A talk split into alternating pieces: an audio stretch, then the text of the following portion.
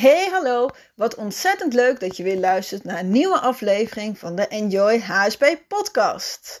Eind vorig jaar tijdens een van de wandelingen uh, stelde een deelnemster mij de vraag van wat zou ik gaan doen met kerst? Ik vroeg aan haar van waar, waarom ze mij die vraag eigenlijk stelde. Ze zei, nou ja, uh, ik heb heel veel verplichtingen. De ene dag moet ik naar mijn familie, de andere dag moet ik naar mijn schoonfamilie. Uh, maar eigenlijk is het gewoon veel te veel en zie ik het helemaal niet zitten. Het liefst blijf ik die twee dagen gewoon helemaal in bed liggen, deken over me heen en ben ik er niet. En uh, ik vroeg haar van, oké, nou dat is dus eigenlijk wat je dan heel graag wil. Hoezo zou dat dan niet kunnen? Ja, zegt ze, de ander die verwacht wat van mij. En als ik niet kom, ja, dan uh, ga ik dat echt wel te horen krijgen.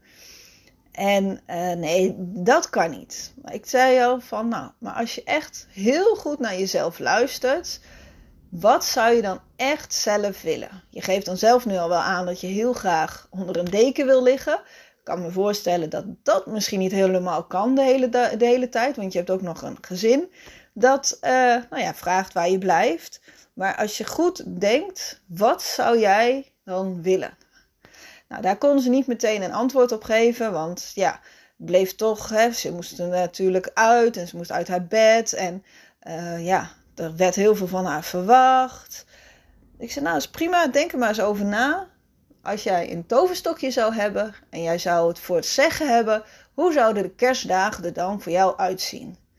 En toen wist ze het wel meteen. Ze zei ja, heel veel rust. Ze zei en niet een hele dag naar mijn familie of schoonfamilie, maar misschien heel eventjes. En ik, toen ik haar vroeg van waarom zou dat niet kunnen, kwam ze dus weer met van ja, nee, dat kan niet, want dat is de verwachting die een ander heeft. En dat zie ik bij heel veel HSP's, dat, dat wij hebben ons zo aangepast aan een ander. En wij denken eigenlijk al heel vaak voor een ander en willen heel graag voldoen aan de verwachting van een ander. Maar dat kan eigenlijk helemaal niet. Want wij, je kan nooit voldoen aan de verwachtingen van een ander, of iemand kan ook nooit aan jouw verwachtingen voldoen. Want zij weten niet hoe jij denkt en wat jij wil. En dan is het eigenlijk dat jij het gedrag van die ander wil veranderen. Of dat jij jouw gedrag gaat aanpassen aan een ander. En dat is wat heel veel HSP's ook doen. Daarom zijn ze ook ontzettend goede chameleonnen. En weten ze zelf niet zo heel goed wat ze willen. Ja, ze weten het wel. Maar dan is het vaak als mensen helemaal over hun grens heen zijn gegaan. Of als een emmer helemaal vol zijn. En dan zeg je het vaak uit woede of uit frustratie. En dan komt het er niet helemaal goed uit wat je nou eigenlijk wil. En dan heb je vaak weer een schuldgevoel. En dan denk je, nou ja, ik pas me dan toch maar volgend jaar weer aan. Aan wat die ander wil. Want ja, dit was ook niet fijn. Maar juist doordat je zelf goed gaat nadenken van, nou, wat wil ik nou eigenlijk? En echt gaan kiezen. En natuurlijk is kiezen is verliezen. Want als HSP'er zien we natuurlijk meer dan honderd verschillende mogelijkheden.